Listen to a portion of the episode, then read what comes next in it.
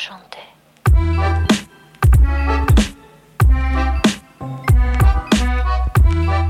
Varmt välkomna till Toto 5. Det är torsdag den första juni! Och det vet jag att Karle gillar. Vadå? Juni? Det är sommar. Ja, jo tack. För Alltså, fan. gå, när är det officiella datumet? Där vi går från vår till sommar? Ja, men juni är ju fan sommar. Eller hur? Och jag har ju fått värsta bränna. Jag har väntat på dig jag och Robin i 40 minuter nu. Ser du? Jag har typ Mm. Ja, blivit jag brun nu. Alltså, men du har ju dessutom varit på Santorini och... Lär mig fan. Brun. Men jag satt på ett elskåp här utanför i 40 min och blev typ brun. ja. Ser det ut som. Jag var ju i Rom för en vecka sedan. Då var det ju typ 25-30 grader och i Rom så blir det som en kokande gryta. Ja. Ligger ju liksom i, små dalar höll jag på att säga, från de sju kullarna.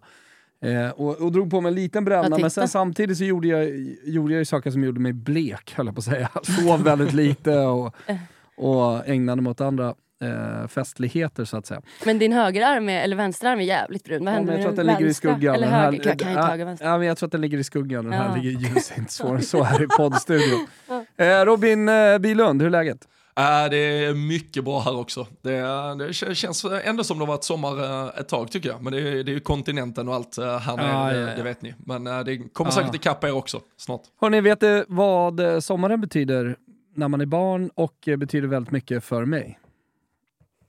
Eh, Sommarlov såklart, sådär. Men sommarkupperna drar igång. Oh, nice, nostalgi. att, ja, verkligen. För mig så drar det igång nästa fredag. Då drar vi till Steinhagen. Steinhagen, vad är i, det? utanför Bielefeld, en liten tysk ort där Sparkassen Cup går av stapeln. Men vilka roliga resor, alltså vilka roliga kupper. Det Ah, är ja. liksom, det, det, det, det, är väl, det är väl mitt kall i flickfotbollen. Ja. Att eh, akademilagen ska få samma förutsättningar och samma möjligheter Mm, och eh, kunna drömma lika stort eh, som, som pojkarna. Så att vi åker ju på väldigt mycket sådana inbjudningsturneringar ute i Mm. Europa och möter de stora lagen. Så nu har vi Eh, en, eh, förhoppningsvis en eh, seriefinal, höll jag på att säga, gruppspelsfinal eh, lördag kväll mot Werder Bremen som jag hatar. Det står ju Fuck Bremen här sprayat. Vi, vi, vi möter Bundesliga-lag. Ja, ja, ja. Men fan vad kul. Så det ska bli sjukt kul. Sen är det Falu sommarcup med Alba och sen är det Gotia Cup och ja, det är massa roliga grejer. Får dina händer. tjejer käka godis på kupper? För det, har- för det har jag ett minne av. Alltså, alla, pappa var så nej du käkar, jag har pasta till dig här, du får äta korv med bröd absolut, men inga jävla godis. Och alla i mitt lag vet jag gick och köpte så här, i kiosken. Det var chokladbollar och remmar och grejer. Och pappa bara nej. Max, Nej, max Carl, en Dextrosol. du, du, du, du har förstått vid det här laget eh, vad det är som gäller. När vi, när vi åker till Gothia Cup så bor vi på ett av Göteborgs bästa hotell. Ja. Eh, vi har bokat sport eh, lunch, Ägg, sport bacon, pasta, eh, dinner med liksom ris, kyckling, Ja, bra. eh, liksom sådana saker. Nej, nej, verkligen inte. Och eh, inga civila kläder när vi reser till exempel. Utan det, Men fan vad vi- vi nice, det är verkligen liksom- seriöst. Ja, alltså, för det var det värsta jag alltså, visste, bara en liten in- anekdot här innan vi fortsätter. Jag blev så förbannad när mitt lag Alltså man vill ju att alla ska se likadana ut för det ser ju proffsigt ut. Men du vet det var olika byxor, det var olika strumpor. Man bara, hur kan det här ens vara lagligt? Alltså Ja. så här, är det så jävla svårt att bara hålla det liksom. Sen när man kom upp på högre nivå så var det ju typ ett krav. Ja, men, nej, men- man och gillar ju ändå, alltså det ser man, ju man, nice. Vissa som lyssnar på det här eh, som, som har barn som spelar ungdomsfotboll och sådär, de, de kanske tänker att men det där är väl löjligt. Men det finns ju en del i, alltså, i och med att det är en elitförberedande utbildning som eh, tjejerna håller på med i, i Stellas lag, så finns det ju lite träna på att träna ibland. Alltså när vi började med fys när de var typ 10-11, Mm. så, så var det ju mer att man tränade på att träna för så här ska man göra. Det, Mm. här, det, det, det är så här liksom en träningsvecka ser ut i en light-version lite grann. Ja. Så vissa grejer. Men, men nu börjar de bli så stora också, så nu, när vi åker och möter Werder Bremen, Barcelona, PSG de här, alltså, då representerar de Hammarby. Då måste Och jag tycka att det är mer de nice att Hammarby, det då är måste så. Mm. vi, ja, ja verkligen. Och jag menar, skulle Kul. vi vinna, nu mö- möter vi som sagt ett år äldre och det är tyska lag så det kommer bli tufft som fan. Men Mm. skulle vi vinna så är det ju fan en nyhet liksom. Eh, sådär, Exakt. på eh, Ja jävlar, håller tummarna för det ja. Så, så eh, nej men det blir bra. De sänds live. Man laddar ner en lapp som heter VO Live och sen så reggar man sig där. Det är gratis. Och, och sen söker man bara på Hammarby Flickakademi så k- kommer våra matcher upp där. Så Fan, vad kul. Så det, det, kan- kan ni ägna er åt nästa Ja. lördag? Det kommer vara fullt Kro- jävla påställt. Krock med Ja, herrarnas vad Champions. League-final, men jag känner att ni ändå kommer locka tittare. Det- ja. Absolut. Det, eh, för, första dagen lördagen är slut innan Champions Ah, League-finalen. det är bra. så Det kommer vara Ja. lugnt. Det kommer kunna värmer, ligga hemma. man värmer upp med en uh, gruppfinal där då, innan man går på uh, CL-finalen. Ja men precis, precis. Nej men eh, cup, cupsommar, det var det bästa jag visste när jag var liten Mm. och ser fram emot de här sommarkupperna. Allt från Aroskuppen till, ja, fram till Gothia, men så finns det mindre kupper runt om som man kunde åka på. Men Hur minns ni liksom den tiden? Bäst. Ja. Alltså det var ju underbart. Det är Ja. något speciellt. Och jag saknar verkligen den grejen. Jättemycket. Det är därför jag har hållit på med Korpen. För att då har jag lite jävla lag. Alltså så. Omklädningsrum? Vi hette ju Bolaget. Är inte det klockrent? Vårt lag. Jo. Och så hade vi, alltså våran liksom logga var en liksom översvämmad öl. Eh, lite kul. Så Lite man, nära Bo FF. Är det, har de en öl? Nej, jag menar, menar bolaget? bolaget. Alltså du sa också bolaget. Ja, men bolaget liksom. Från Saltsjöbo.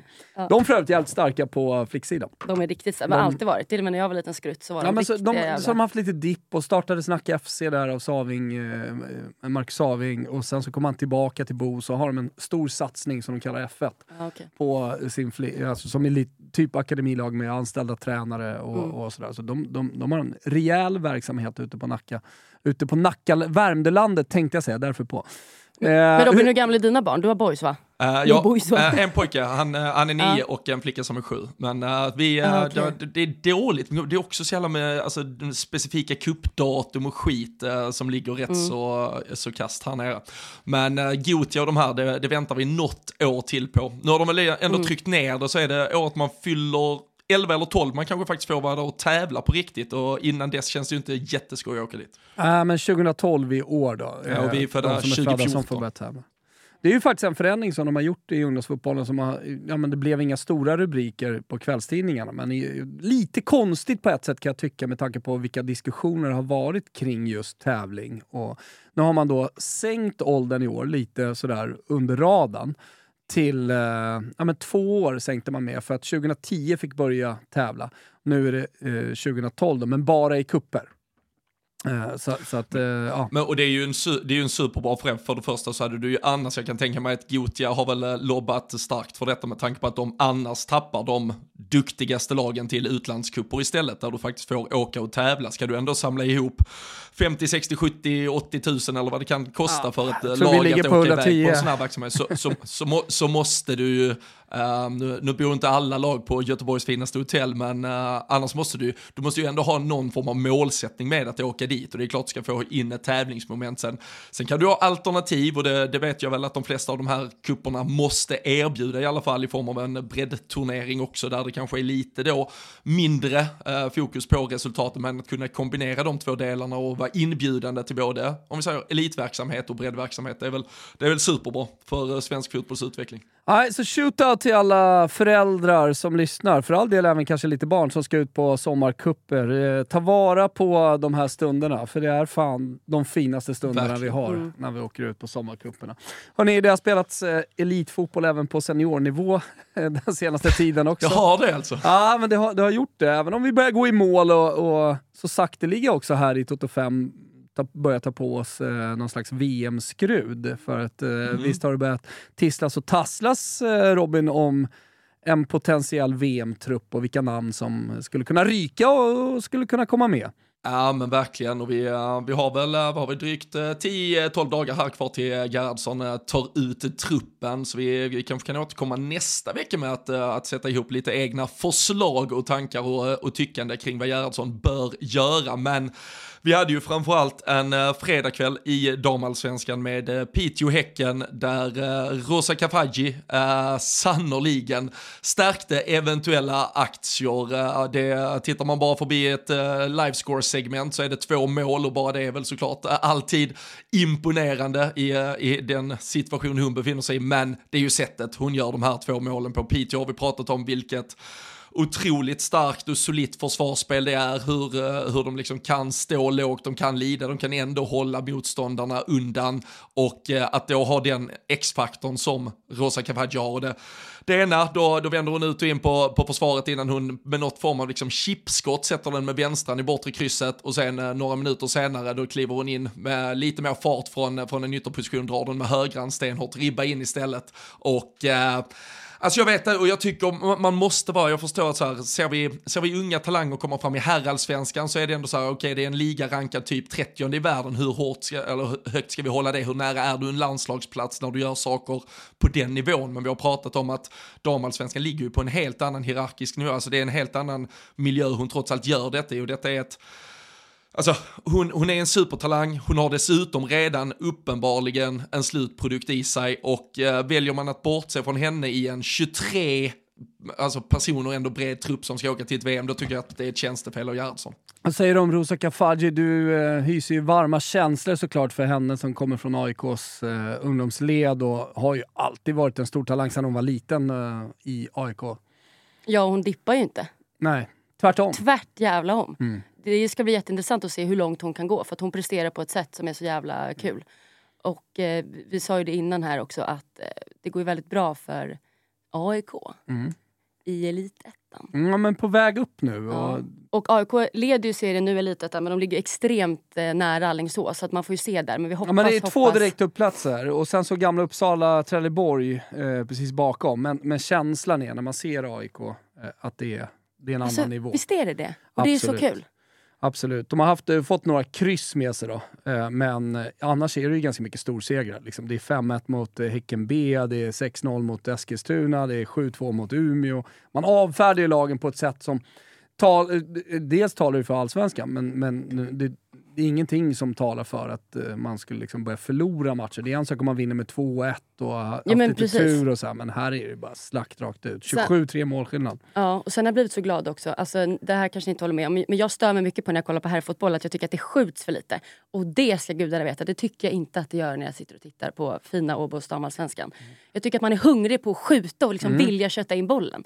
Och ja, det men... är väldigt trevligt att se. Jag har bara tänkt på det senaste matchen jag har sett. Att så här, det skjuts fan. Mm. Typ Matilda Winbergstad, vad gjorde det? Jävla långskott på typ 40 meter in i mål. Mm. Otroligt. Nej men och, eh, på tal om att liksom kötta och så vidare så eh, satt jag och kollade på, kan vi bara kasta oss in i matcherna lite grann också, så att jag kollade på eh, Kristianstad mot eh, Hammarby en match som, ja men toppmatch. Mm. Eh, Hammarby kommer från några svaga resultat eh, och mycket känslor och såklart lite, man såg det på Hammarby tycker jag också, att det fanns en del nervositet också. Man ville verkligen nå ett resultat, det var viktigt i den här matchen.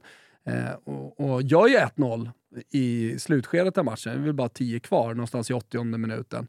Och sen blir det ett tryck, på tal om att kötta då, blir ett tryck från Kristianstad som är otroligt och man får ju in kvitteringen och är nära på att faktiskt vända det, för då har man ju momentum i det också. Man känner att man verkligen kan trycka ner Hammarby.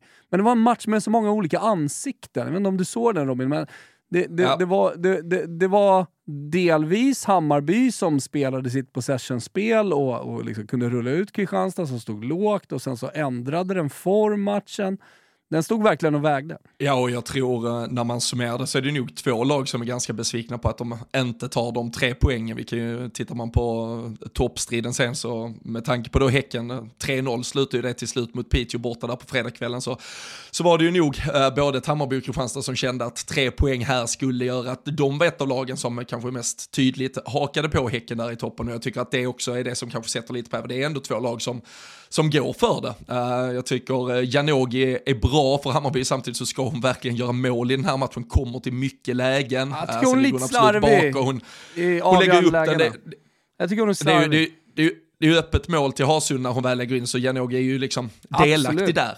Men men det är ju lite spets som ändå saknas. Men sen precis som du säger, ehm, um, för Hammarby då att få in det här, ha ledningen med så lite kvar, men samtidigt så tycker jag att, att Kristianstad genomgående också ska, och Eriksdotter som uh, nickar in den, hon har, väl, hon har väl redan haft en uh, i ribban tidigare och sen så gör ju Tamminen, det är väl bara minuten senare på en hörna så gör ju Tamminen en helt brutal räddning. Hon gör några till där på stopptid i stort sett. Så jag, jag tror att båda lagen var rätt förbannade med att de inte löste alla tre ah, poäng. För så lät det, inte på, så lät inte på Pablo. Jag tyckte att det lät som att han var ganska nöjd med den där poängen ändå. Jag tyckte att det var en stark prestation borta mot ett svårt lag.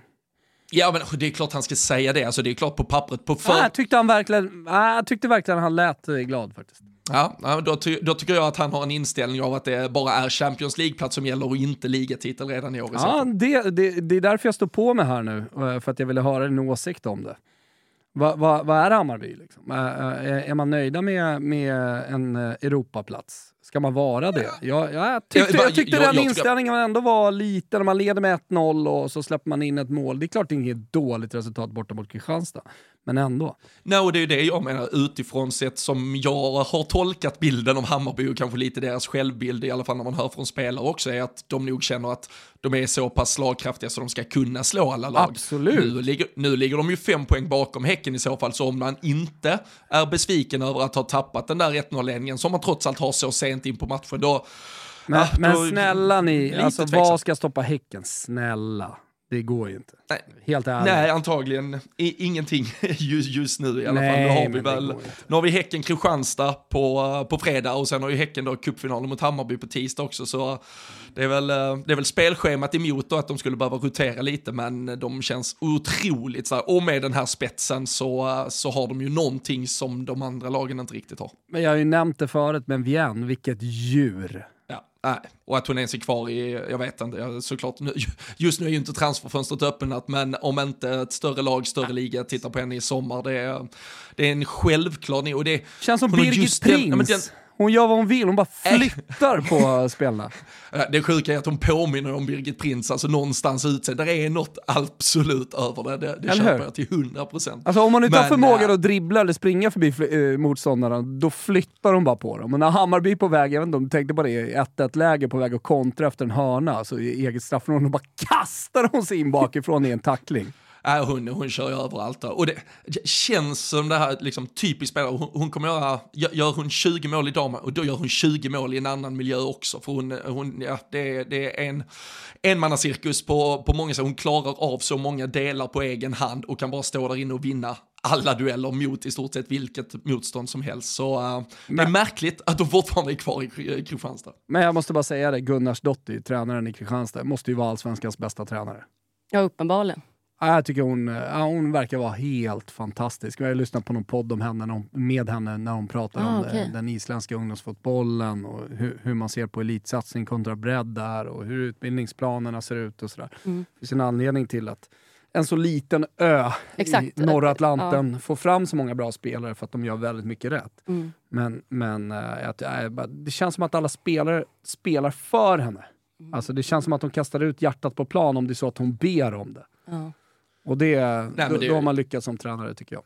Ja, och hon är ju eh, me- mer eller mindre inventarie där i, i Kristianstad nu liksom. Det, det visar ju på förtroendet hon har fått från, från klubbledning och alla och jag tror hon, ja, hon har ju förtjänat rätten att styra klubben på det sättet också men eh, håller helt med att eh, det, är, det är antagligen seriens bästa tränare. Eh, annars då från den allsvenska omgången, eh, några resultat som ti- sticker ut. Jag tänker på, på Djurgården som eh, inledde så jävla starkt genom att slå, alltså, slå Häcken och Rosengård de första omgångarna. Och, och efter det har man bara radat upp förluster. Man har ett kryss mot Uppsala. Ja, och den här 3-0 förlusten mot Vittsjö. Mm, Eh, och det är faktiskt kul, precis. Alltså det är faktiskt, apropå Djurgården så är det en lyssnare som heter Filip. Hej Mm. Filip! Tjena. Han eh, skrev in till oss och påpekade att så här, hur fan kan Djurgården vara typ nöjda med Sean Balavo som sportchef? Alltså han har ju varit nu i, i tre år eh, och alltså det här med att hans poäng var lite och tyckte att vi skulle lyfta det lite att så här, de har legat, vad är det, 8, 9, 10 nu i några år och att man undrar had, alltså, är man nöjd? Alltså, att det inte borde vara mer kritik. För att det är så många misslyckade värvningar och spelare som försvunnit och lämnat under hans ledning. Eh, att så här, det känns, och då tänker jag över att hade det varit mitt lag, eller hade det varit framförallt herrfotbollen, så hade ju det här... Man hade ju låtit en sportchef typ gå. Hade man inte det? Absolut, alltså det hade ju varit större kritik. Eh, Mm. Sen, sen är det ju sådär i flickfotbollen fortfarande som jag tycker är värt att nämna. Det, det, det finns ju inte lika många resurser, lika mycket resurser, det finns inte lika många tränar ledarresurser i, i klubbarna. Så tar man Djurgården då till exempel så har ju Sean en dubbelroll. Han är dels flickakademichef och dels sportchef. Och det, det förstår ju alla att det har man inte tid med både och. Och då, då blir väl saker och ting, tänker jag, lidande också. Även om det finns tränare runt honom som är del, delanställda och det finns andra personer som vill Djurgården väl, som jobbar. Det kanske till och med finns ideella krafter i, i flickakademin som är viktiga. Mm. Så, så, så, så är det återigen, tycker jag, liksom, där, där Svar Sverige faller både på pojk och flicksidan, att vi har alldeles för lite resurser för att mäta oss med ute i Europa. Jag tror att det börjar där. Ja, och sen Det är han, lätt att man kastar sig med resurser. Verkligen, Man behöver resurser. Men vad, vad landar det i? ja. Ja, men anställda tränare, anställda idrottspsykologer, Ja, och- och- anställda eh, fysios. och han menar att han har en långsiktig plan, vilket är jättebra att ha. Ja, men det säger alla. Eh, precis, men också det här Olivia Skog som också nu är asbra, som lämnade Djurgården. Och sen att man släpper eh, eh, Gudrun Arnadotter, visst var det hon? Mm. Henne släpper man liksom mitt under 2021 till en konkurrent. Mm. Är, det, eller är det då spelare som liksom är så här, nu drar, eller var- var, varför lämna, alltså, Alltså, jag, varför behåller jag- man jag- inte de som är så fucking bra?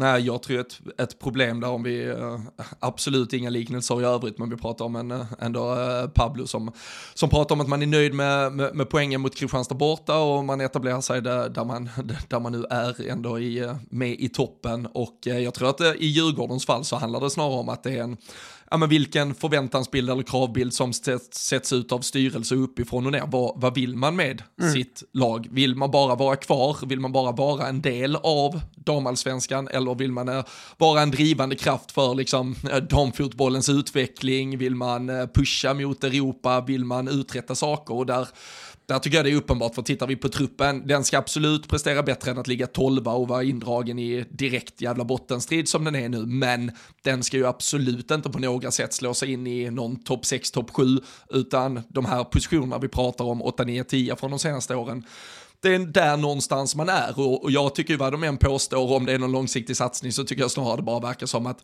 de känner att det är någonstans är ett nödvändigt ont i stort sett att de måste försvara sig med att det är klart vi ska ha ett lag ändå som är i damallsvenskan men de verkar inte göra särskilt mycket för att förbättra den position de är på. Och det Sen kan han ju prata om, eh, om satsningar hit och dit, det är bara att titta även på hur man försöker engagera publik och annat och där, där är de ju otroligt svaga också så eh, Djurgårdens jobb generellt med damsektionen är dåligt.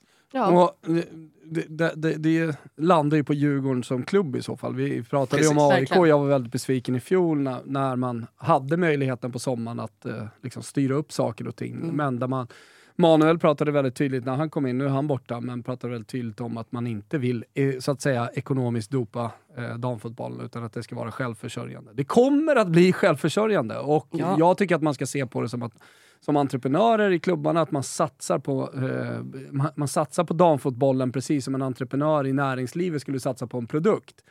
Kom ihåg nu att jag gjorde den liknelsen bara, jag kallade inte damfotbollen för en produkt. Eh, det ska vi definitivt inte göra. Men det handlar ju om mod och det handlar om tro också på det. Och, vi, och uppenbarligen så, så finns det klubbar som tror på det och som går bra. Roma, Mm. jättebra internationellt exempel som vi har tagit upp tidigare, men det finns många också. Hammarby i eh, eh, Malmö FF, IFK Norrköping, IFK Göteborg nerifrån också.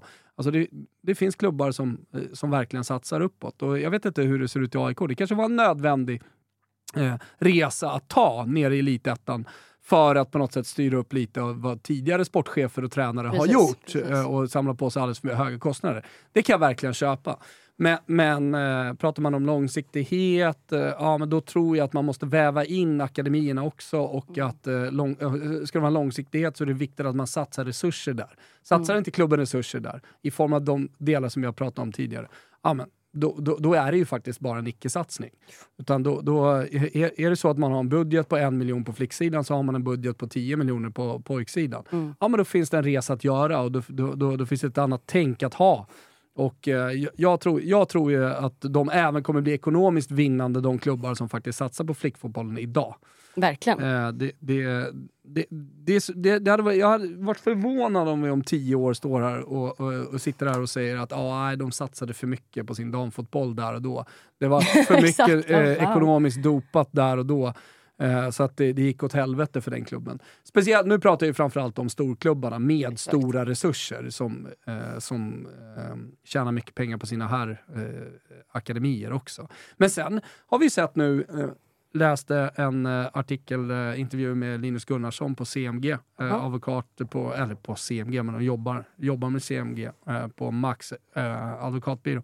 Han pratar om liksom, utvecklingen ekonomiskt också på, på damsidan och på flicksidan. Uh, nu, nu har ju 15-16-åringar börjat åka ut till de stora akademierna för att testa. Smilla Holmberg pratade om det inför U, U17-EM. Att hon har varit i Lyon och, och känt på det där, testat en annan miljö. Uh, det, det tror jag också är viktigt för, för uh, dam och flickfotbollen. Men han pratar ju också om att det börjar bli liksom större pengar, större övergångssummor. Mm. jag, jag nu, nu, blir, nu, kommer jag för nära min, liksom, inte min egen verksamhet, men jag kommer för nära på 14-15 års ålder för att prata om liksom, klubbar och namn och så vidare. Men jag vet ju att det är liksom, breddklubbar i Stockholm som håller sina spelare till de är 15 för att de ska kunna sälja dem vidare till liksom, större Stockholmsklubbar. Så att så här, sånt håller ju på att ske, det mm. som har skett på pojksidan. Och det, då, då, kan man ju tycka att vissa saker blir så här, ah, men de är barn, de ska spela vidare. Man måste tänka bort det tror jag och se att det är på väg att byggas en liten industri och det är bra för damfotbollen för då kommer ja, det in pengar bara. i damfotbollen. Och då, det kommer slå ner, eh, eller komma ner även på breddfotbollen vad det lider om vi utvecklar elitfotbollen. Så, men sen handlar det ju om att hänga med också. Herregud. Ja, men vi måste också nämna att eh, Åbos damallsvenska gick ut med också att vi har en enorm ökning. Alltså från 2022 till 2023 på hur många som går på matcher. Mm, alltså 9,8 procent i ökning och totalt mm. 62 871 eh, åskådare tio mm. första omgångarna. Mm. Bara jag en sån att, sak. Jag tror, tror, att Norrköping står för en ganska stor alltså, del verkligen, Jag har faktiskt här, Linköping då, Norrköping, där var det 7804. Ja, eh, Norrköping. Ja, mm. exakt. Eh, helt jävla otroligt ändå. Mm. Vilket ös de, de och, bedrev. Och om en vecka, nej inte om en vecka, om några dagar, vi släpper detta på torsdag, mm. då är det cupfinal. Oh. Eh, och det, det, är väl inte så att Häcken kommer med 5000 man. Eh, men hade det varit Bayern Norrköping så kan jag tänka mig att Tele2 hade blivit fullsatt. Men, ja, men det, det kommer ändå bli en folkfest. På... Vad är det uppe på? Ja, men vi är uppe på en, uh, igår i alla fall när jag kikade var det över 14 000 oh, sålda. Alltså så uh, vi närmar oss uh, absolut att kunna, kunna sätta en 20 i alla fall. Hade varit otroligt snyggt. Och du, du säger otroligt, det är ju verk, det är en otrolig siffra för damfotbollen. Det är det, måste verkligen. stanna upp och... Alltså ja, bara tio första omgångarna så ser man en sån jävla ökning och det är genuint, folk vill gå. Ja. Det, det, är en folkfest. Och bra, nu har de fått mycket skit, eh, schemaläggarna för svensk ja, damfotboll. Eh, Hammarby var ute senast kan jag förstå, de spelar borta mot Kristianstad samtidigt som herrarna spelar. Så det, det, det, kan jag köpa. Samtidigt som det är ett svårt jobb att göra, att lägga alltså, det där Jättesvårt jobb, men också härligt att man blir lite upprörd. Att så, hallå vi vill gå och se, för då, då, vet de ju det med sig att så, nu jävlar börjar det liksom brinna i knutarna här på damerna också. Vi måste liksom ja. lägga in en växel för att försöka ja, inte göra att det krockar. Men, men det är såklart att man lägger pussel. ändå på eh, nationaldagen när folk är lediga och vi firar ju inte riktigt nationaldagen här så att det verkligen kan bli en folkfest. Ja, vilket jag exakt. tror att det kommer bli och jag ser jävligt mycket fram emot att gå på den matchen också mellan två av mm. Sveriges absolut bästa lag med VM spelare, potentiella VM-spelare i båda trupperna. Det, det, ja, men det kommer bli häftigt. Men vill, vill ni höra något kul? Mm. Alltså, nu kanske jag drar ner stämningen men jag måste, jag måste faktiskt sätta på ett klipp. Alltså John Shields, chef för Uniteds välgörenhetsorganisation. Mm. Har ni sett hans eh, tabbe nej, nej. häromdagen? nej, för Alessia Russo, alltså hon spelar i Manchester United, 23-årig mm. anfallare. Hon vann ett pris på Uniteds gala. Och då ska då John Shields dela ut det här priset till henne. Mm. Och eh, jag, jag, sätter på klippet. I'm gonna give this to it's so Alltså han, han ger henne alltså, hör man att han säger I'm not gonna give this to you because it's so heavy. Så han delar ut ett pris till henne på galan och det är liksom en, ja, men en pokal. Och så, när han, och så vägrar han liksom, han, han, vill inte ge den till henne. För han litar inte på att hon kan lyfta det. Exakt, så han bara, och, och, han har gått ut såklart och bett om ursäkt att det här blev så fel. Men det är så jävla typiskt och kul. Att, han kanske inte menar något illa men det är liksom en groda från en liksom äldre man. Där han, och sen så ser man också hur han vill ge över det här och nästan ja, säger då att jag kan inte ge det här till dig för att den är för tung. Och sen så tar hon den och liksom bara, hon blir jätteobekväm. Och bara, men det är klart som fan att jag kan hålla det här priset mm. själv. Jag lyfter ju skrot på gymmet, herregud. Alltså, mm. Eh, och då så ser man hur han lämnar över den här och, och vill inte släppa den när hon håller den. För han är, han är liksom är inte det, alltså jag var tvungen att ja, men Vi har, vi har, vi har en kulturell katastrof. resa att göra, bara, inte bara inom fotbollen men eh, framförallt inom, inom damfotbollen såklart. Oh, det var lite kul. Att, all, all, alla, alla länder hänger inte med och kommer inte hänga med och kommer inte vilja hänga med heller. Så det är bara att konstatera. Ja. Eh, var var vi någonstans? På det var, ja, hej, cupfinalen och läktarfester. Ah. Jo men vi har inte bara det. Vi har ju alltså på det nu på fredag. Ja. Eh, så ska ju Norrköping komma mellan 5 till 800 man. De har by fått bygga upp provisorisk läktare på kanalplan. Frågan är om inte Alltså, cupfinalen kommer ju bli mäktigt för det är mycket folk, men frågan är om det inte kommer bli bäst tryck om vi ser kommande vecka på just kanalplan när eh, Peking eh, anländer. Mm. Det är klart. Det är synd bara att de har slutat spela fotboll i Norrköping. Det var, ju- det var ju kul. Det var ju kul så länge det varade där när Marcus Tapper satt och sjöng Mykatu till landslaget efter två veckor ungefär. Hon ska inte med, va? Äh, Ja, men nu, nu är de ju tyvärr synade fullständigt. Förlorar mot BP hemma. Då är det ju äh, dags att äh, ifrågasätta vad man sysslar med. Ehm, ja, wake-up call krävs i alla fall. Ja, viktig seger för eh, BP. Jag, jag såg den inte komma efter några dåliga resultat av Norrköping. Spela hemma mot BP kände jag nog ändå att ja, men här vänder trenden. Men det gjorde den inte. Ja, nej och allting, allting vi tyckte oss ändå se i början och då är väl frågan om det var lite dopat av eh, adrenalin och, eh, och dopamin över att vara uppe liksom i högsta divisionen, ha fansen med sig i ryggen och allting. För sen har vi pratat om hedersamma förluster och vi var ju inne på just att nu då när spelschemat lättar lite, nu, nu ska man visserligen då ta sig an Hammarby borta men man fick eh, den här BP-matchen så, så ville vi ju se dem tillbaka till åtminstone liksom vinnarspåret. Sen, sen behöver det inte vara klang och jubel och, och 5-0 hit och dit men att inte lösa den uh, hemmamatchen uh, är ju svagt och nu, uh, nu, nu blir det ju ändå ganska, alltså nu har man ju ändå gett då chansen till BP, BP har klivit upp på 6 poäng, Djurgården och Örebro på 7 var, Uppsala Norrköping 10. Det hade varit bra för Norrköping att följa upp den här fina starten med att snart plocka en eller två segrar till så att man visar att man inte bara flög som en liten humla där i början med, med kraft man egentligen inte har. Nej, nej, så är det. Någonting annat som ni tycker har stuckit ut eh, från Allsvenskan sen senast eh, vi pratades vid? Nej, alltså egentligen tittar vi bara från Rosengård så är det ju imponerande hur, eh, och du var inne på Olivia Skog tidigare där, Karl också, att, att, att hon lämnade Djurgården. Det var nog något hon verkligen ville när hon väl gjorde det för ett Ja. par år sedan här, men i Rosengård nu så är hon ju överlägsen. Ja, hon blomstrar Eh, ju i, verkligen. Ja, men I sin position, hon är, hon är självskriven i, i den landslagstruppen som kommer, det, det behöver vi inte ens eh, diskutera längre. Och eh, två mål igen här, missar ju straffen mot Hammarby, förbannade sig själv där efter att hon hade valt att gå, gå i mitten av målet, kände sig läst på förhand, kliver ändå upp då och tar straff igen här mot Örebro och, och förvaltar den. Och eh, visst, 2-1 mot Örebro är väl på förhand inte riktigt vad alltså Rosengård hoppade säkert på en enklare resa men där de befinner sig nu så är det ju bara tre poäng som räknas. Och eh, sen då glädjande för både Rosengård och eh, framförallt för alla oss eh, svenskar som hoppas på en bra VM-sommar att eh, Caroline Seger var tillbaka, gjorde 20 minuters inhopp i den matchen också. Så eh, både Skog och Seger eh, glädjeämnen i, eh, i, det där, eh, ja, i det där mötet för ja, del. Jag tänker inte säga emot att det, det, är, ett glä, att det, inte, eller att det är ett glädjeämne att Caroline Seger är tillbaka, men hur, stor nyckelspelare tror du att hon kommer kunna vara om jag allting tänkte klaffar precis framåt? säga det, att jag vet inte om jag är så här, alltså hon är, för mig är hon ett namn och har gjort jävligt mycket men jag ser, alltså men jag vet inte Som om jag ledare vågar, såklart, jag som vågar väl inte uttrycka som för mycket men jag vet inte om hon komma är in- den som kommer komma in och liksom verkligen fronta. Nej men och, och, Eh, och, och och jag vill jag inte säga det ena, det ena eller det andra, Nej, nej. men att hon ska med i en VM-trupp och jag menar känner hon sig fit och är riktigt Mm, bra, Då, då skulle hon ju kunna bli, det blir nästan som en joker. Ja, ja.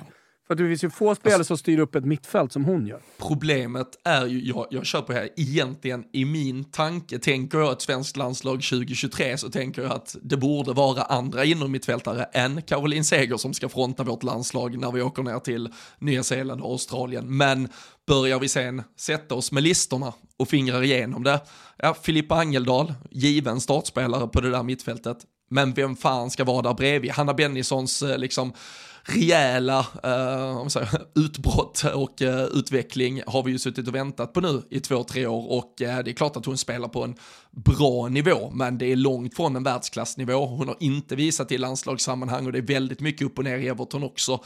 Och, eh, och där bakom dem, ja då ska vi gå till Elin Rubensson. Är det ett så mycket spetsigare och häftigare namn än Caroline Seger. Så det, alltså det där centrala mittfältet är problematiskt för Sverige, för vi sätter inte balansen tyvärr utan Caroline Seger. Sen tycker jag inte vi borde vara i situationen där hon är viktig för ett svenskt landslag, men jag tror tyvärr fortfarande att hon är det. Är det den positionen kanske som vi, vi söker mest eh, i våra ungdomslag? Just en eh, nummer sex-spelare. En eh, balansspelare, en regissör för all del, eh, men, men den typen av spelare. Ja, det, det, skulle jag absolut säga. Jag tycker, tittar vi på, på här just nu så är kanske de två mest spännande fotboll, lite olika typer av fotboll, men Hugo Larsson och Lukas Bergvall som eh, slår igenom så, så är det ju den typen av spelare som vi hoppas få fram på Flick så snart som möjligt. Jag tror jag har något på gång där. Jag tror att jag kan... Du, äh, ha du varit, löser ja, det? jag, Men tror att jag, jag tror att jag löser det.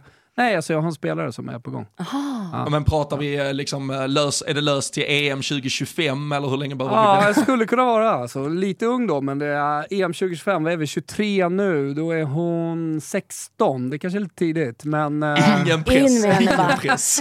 ja, men jag ska, jag ska jobba på det. Får vi se vad vi, Ja, vad det vi är då. Det, det är något är exceptionellt i alla fall. Ja, vi får, får se. Toto 5 då kanske slår sig för bröstet EM 25. Fan, det gick snabbare än jag trodde.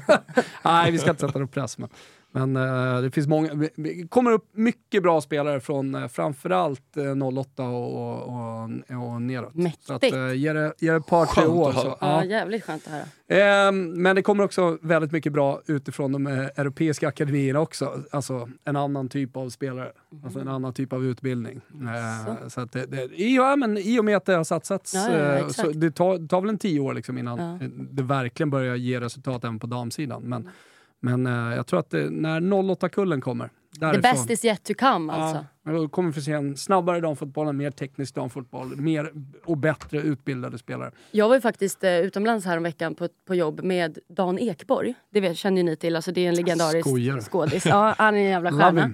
Ehm, och han eh, och jag pratade ju fotboll då och han är ju både Hammarby och aik för att han har, in, han har flyttat, han har flyttat till Solna eh, och älskar Dick Turpin och sitter med sina Gnaget-vänner där och sånt där. Men vi pratade fram, faktiskt typ mest damfotboll för att han har blivit så Alltså kärat ner sig i damfotboll. För han bara, de är hungriga, de är aggressiva, de har teknik. De är, han bara, fan det är kul. Och jag blev så glad att höra honom säga det. För att jag, jag tycker att många liksom, eh, jag pratar med har inte gett det en chans, damfotbollen. Man lever kvar i att det är fett trist bara. Alltså man har liksom fördomar. Men sätter man sig och tittar på många matcher och på riktigt eh, liksom tar bort sin, sina glasögon som man haft innan och bara, så är det, det är mycket kul. Och jag blev Och- så glad när han sa det. Robin, häng med mig här du också nu. Eh, ser på mig att du har något på gång. Men är kanske den sto- största skillnaden på damallsvenskan 2023 mot alla år tidigare att det är mer känslor på planen. Vi har sett Mm. Janogis röda, Hammarby-Rosengård för att ta en annan Hammarby-match. Smällde rejält, det var grinigt, det var liksom tryck Ja. från läktarna. Är det, är det på gång liksom att ske en liten förändring där rent mentalt liksom hos spelarna? Alltså att det, det, är, det är hetare på planen. Ja, och jag hoppas det för att det, det är det som krävs. Och det, som åskådare är det roligare att titta på när man ser att de är hungriga, de vill, de går in och liksom brunkar på. Eh, och känslor är väl också det som gör att man presterar. Alltså går man ut på planen och är så här medelmjölk och känner att nej, men blir det 1-1 här nu så gör inte det något. Eller så, så här, Det är ju känslor som skapar mycket också. Är det en spaning Robin? Alltså är det en spaning som håller tänker du? Ja, men jag, jag tycker den håller och jag tycker att eh, det, alltså, svar, svaret på det, eller kanske grunden till det, det är ju också att vi sitter här varje vecka och pratar om att okej, vi har haft den här toppmatchen och till helgen har vi den här toppmatchen. Vi har, vi har ett Häcken som är bra, vi har ett Piteå som är bra, vi har ett Hammarby som är bra, vi har ett Kristianstad som är bra, vi har ett Rosengård som vi vet är bra, som vi kanske förväntar oss ännu mer av. Vi har ett Linköping som vi vet vad de är. Alltså vi, vi har sex, sju lag i den där toppen som är riktigt, riktigt bra, vilket betyder att lag har nog börjat inse att det kommer inte bli särskilt lätt att ens ta en Champions League-plats om vi får England. Tidigare var det ganska självskrivet att i alla fall Häcken och Rosengård tog dem och så låg antagligen Kristianstad eller Linköping och tog tredjeplats. Nu är det ju fan, alltså det är, det är, det är liv och död där Ja. varje jävla vecka och du kan inte bara ställa ut skorna. Så det är, jag tror absolut att en uh, tajtare topp eller en, liksom, en, en bred spets någonstans har gett oss också nu ett uh, adrenalinpåslag i hela, i hela serien och det tillkopplat till att vi får publiktillströmning, att vi får stormatcher i form av cupfinaler, vi kommer få seriefinaler när det väl börjar bli höst här längre fram så kommer vi få en inramning som kommer bygga på det ännu mer. Så det är, det är nog en helt korrekt spaning av dig så här långt. Kul! Ja, verkligen. Superkul. Eh, Då har vi en spaning också på eh, damallsvenskan. Se Mm. om det fortsätter eh, att vara hett då på fredag när det är, när det är liksom Ja, det, det supportermötet Ja. nummer uno i allsvenskan. Eh, så, det- det- 2023 i alla fall. Mellan Bayern och Peking. Eh, vi tar oss vidare lite ut i Europa. Robin, eh, är vi klara eller? Nu, eh, nu är vi ju faktiskt uh, klara i Jag alla... vill liksom stänga Europa nu. Stäng! Nu, nu, kan, nu kan vi stänga ner skiten och uh, det blev ju som vi är väl flaggade för också ett uh, Chelsea som tog hem till slut då um, Women's Super League. Man, man gjorde jobbet borta mot Reading, 3-0. Det var aldrig något snack om saken. Sam Kerr, två mål, Guru Reiten och Eh, även om då United, behöver vi ju knappt nämna i sammanhanget, vinner med 1-0 borta mot Liverpool så räcker ju inte det utan eh, Chelsea visar att de är lite, lite tyngre. Och eh, om Alessia Russo tyckte det var tungt och tråkigt på den där prissamlingen så så är det ju nog rätt uh, tungt för United-spelarna, i alla fall nu direkt in på säsongen, att man, man är så nära, både i fa Cup-finalen som man då förlorar med 1-0 mot Chelsea, man leder ligan nästan fan från start till mål här. Uh, och uh, sen är det ändå Chelsea som, som står där med, med alla titlar i England och, och visar ju ja, hur, hur jävla starka de kan mm. vara. Det väl Snyggt för Magdalena Eriksson för att avsluta med dubben då i England. Eh, Cecilia Musovic eh, lägger ännu några titlar till sitt CV och Johanna Rytting Kaneryd får vara med och vinna en första uh, mm. Super League-titel under sin första säsong. Vad säger vi om ens första år egentligen? Ah, ruskigt svagt, tyvärr. Alltså det, ruskigt nej, nej, men det, det, det, för, fått alldeles för lite speltid. Jag, jag, vet inte om hon förväntade sig mer, jag tror att vi satt här och hoppades på jättemycket mer i alla fall inför säsongen. Nu Toppspelare i Allsvenskan. Nej, och hennes första säsong har ju sammanfallit lite med Lauren James till exempel i Chelsea har eh, gått från ja, 0 till 100 i stort sett. var lite, lite svajigt kring henne förra säsongen tyckte jag. Och sen nu har hon varit en av ligans absolut bästa spelare. De har konkurrerat på samma plats och uh, det, det, är ju lite samma sak. Det finns inte heller, alltså nu mot slutet har hon ju växlats in i ett par matcher, men det finns inte jättemånga superlätta matcher för Chelsea att spela, så det är inte så att de går ner på spelare 16-17 allt för ofta, för de har inte heller walks in the parks längre där borta. Så nej, det är Men jag tänker, svårt tänker inför VM också. Så hon kom ju in och var en frisk fläkt och vi pratade mycket med henne, med Petronella också, just att liksom det var en spelartyp som gav någonting annat i Gerhardssons landslag. Alltså bra en mot en, kvick, snabb och kunde spela på alla offensiva positioner mer eller mindre. Så att en bra spelare. Jag säger inte att hon är hot, hennes plats i landslaget i VM-truppen är hotad, men det kommer ju väldigt mycket ungt nerifrån. Ta Rosa Kafaji till exempel, eh, Matilda Winberg och som, de, de unga spelarna på samma positioner går ju framåt. Å andra sidan så gjorde ju Rytting Kaneryd eh, liksom det svinbra i Allsvenskan. Det är tuffare där borta i England. Så hon är inte ja, blivit en sämre spelare, det, men, men jag vill ändå liksom bolla upp det. Ja, och det, det som blir intressant att se här då kanske under, under landslagssamlingarna och hur, hur snacket går, för det var ju att förra, alltså sommaren inför EM, då kom hon ju från en fantastisk vår i Häcken och jag förstår att Häcken det är en annan nivå än Chelsea, men då var hon stjärnan, då var hon ju den vi satt och pratade om hela våren som eh, var den klarast lysande stjärnan i, i allsvenskan. Och när hennes spel bygger så mycket på självförtroende, det är så mycket sätta sig i en mot en situationer, eh, ta sig förbi, våga utmana, göra det oväntade, så, så är det något som bygger väldigt mycket på självförtroende. Och frågan är väl lite var hon är på den där självförtroendeskalan inför den här sommaren. Och det, ja, bör, går man då in i hennes fall och börjar istället spela, spela enkelt, vända tillbaka, då mister vi ju edgen hon har och då tror jag däremot hennes position är hotad, för då har vi andra alternativ vi kan gå på istället. Mm. Ja, det är väl kanske då snarare att det finns andra alternativ om man inte känns het på Gerhardssons träningar inför. Precis. Alltså att, att, att, faktiskt få mycket speltid också under VM. Det återstår att se, men det är gött att det kommer unga spelare nerifrån i alla fall.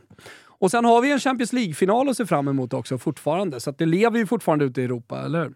Ja men verkligen. Och eh, där, eh, där är det väl eh, de, de gladaste bilderna man från, eller som svensk har sett de senaste dagarna det är ju att Fridolina Rolfö ser ut att vara i, i alla fall träning, om det har varit i full träning återstår. Väl att se för Barcelona men hon har ju missat drygt en månad här på slutet, haft lite problem. Och ska väl ändå enligt rapporter vara liksom redo att vara med i en matchtrupp här på lördag. Och förhoppningsvis så, så startar hon, ja hon har ju varit briljant och de, eh, de har ju sitt, eh, sitt jävla spelsystem som bygger på att hon är någon form av falsk vänsterback och eh, de är ju som allra bäst när hon är på planen i den rollen. Så jag antar att Barcelona gör allt de kan för att ha henne spelklar just med tanke på att det inte har heller pratats om någon allvarlig skada utan att hon bara har hållits vid sidan så tror jag väl att planen hela tiden har varit att hon ska vara redo för det här. Men eh, sen är det väl lite oroväckande, alltså det enda Barcelona nog kan vara lite oroade över det är att de inte har spelat typ en viktig match på drygt en månad sedan man säkrade ligatiteln. Uh, man spelar ju inte spansk cupfinal här i veckan utan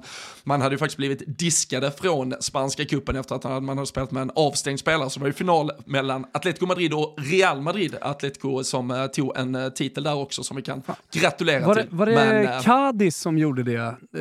eller det var inte Cadiz som gjorde det, var det inte Real Madrid som gjorde det mot Cadiz i eh, Copa del Rey för typ så här tio år sedan eller någonting. Någon, någon Men det, kän, det känns som att när man hör om det på här sidan det är ju ett sånt här klassiskt fall att, uh, bara för att uh, recappa det supersnabbt, att Barcelona värvade uh, Gais, uh, Gais Ferreira uh, från Madrid CFF förra säsongen och hon fick ju då i sista kuppmatchen för Madrid fick hon ett rött kort, så då var hon ju avstängd i kuppen men Barcelona tog väl inte höjd för att den hade följt med in i i, i transfern då över och så spelar hon och eh, därefter så blev de diskvalificerade. Men det känns som att det har, precis som du sa, det känns som det har hänt typ hundra gånger på här sidan men det känns aldrig som att de blir uteslutna. Det känns som att de bara, ah, ni får en tillsägelse. Men, eh, men här satte man hårt mot hårt och skickade ut Barcelona ur kuppen.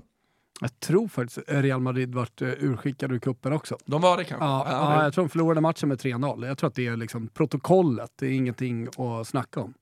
Nej, det, det, borde ju rimligen vara, vara samma regler i alla fall, men uh, det, var, det var en sjuk cupfinal kan jag säga också. Real hade 2-0 när det var Fem minuter kvar så gör uh, Atletico eh, uh, 2-1 där och sen uh, i 90 plus 6 så kvitterar man till 2-2 och sen vinner man på, på straffar. Real brände 3 av 4. kan vi notera så här dagen efter en Europa League-final på här sidan att va, lite liknande. Verkligen, verkligen. Eh, ska vi börja avrunda? Har ni något mer ni vill eh, liksom lätta från era hjärtan innan vi tar oss ut i det som är enligt eh, Karles sommar.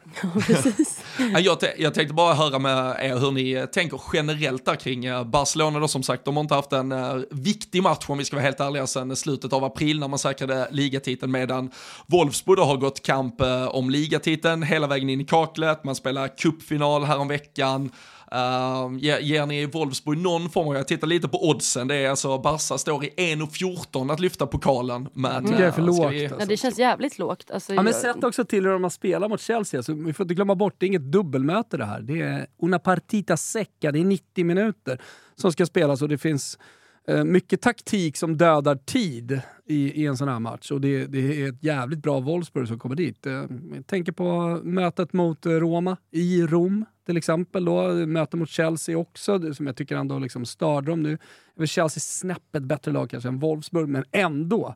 Jag tycker att jag tycker att det låter lite för lågt. Mm. Nej, jag, jag, jag håller helt med. Just det, just det här att eh, det, man har dragits med lite, lite skador, sen har det säkert varit en, en plan kring allt det där att få dem eh, spelklara, men att man inte har varit uppe i riktigt högt eh, speltempo på, på så länge. Vi har, vi har sett det förr, kanske ännu tydligare på, på här sidan ibland. Vi tänker att ett Bayern München som ofta har liksom haft tyska ligan wrapped up tre månader innan Champions League ska avgöras, och man, man kommer inte riktigt upp i fart sen. Så jag tycker också, jag tycker tycker ändå man ska titta lite på Wolfsburg. Det, är, alltså, det har vi ju återkommit till förr, men det är ju det är ett ruskigt starkt lag med, med allt från en Lena Oberdorf på mittfältet till en Alexandra Popp som nog nu vill avgöra en final. Hon blev ju skadad där precis eh, inför EM-finalen mot England förra, förra sommaren, så eh, jag tror hon är rätt så sugen på att eh, sätta avtryck här.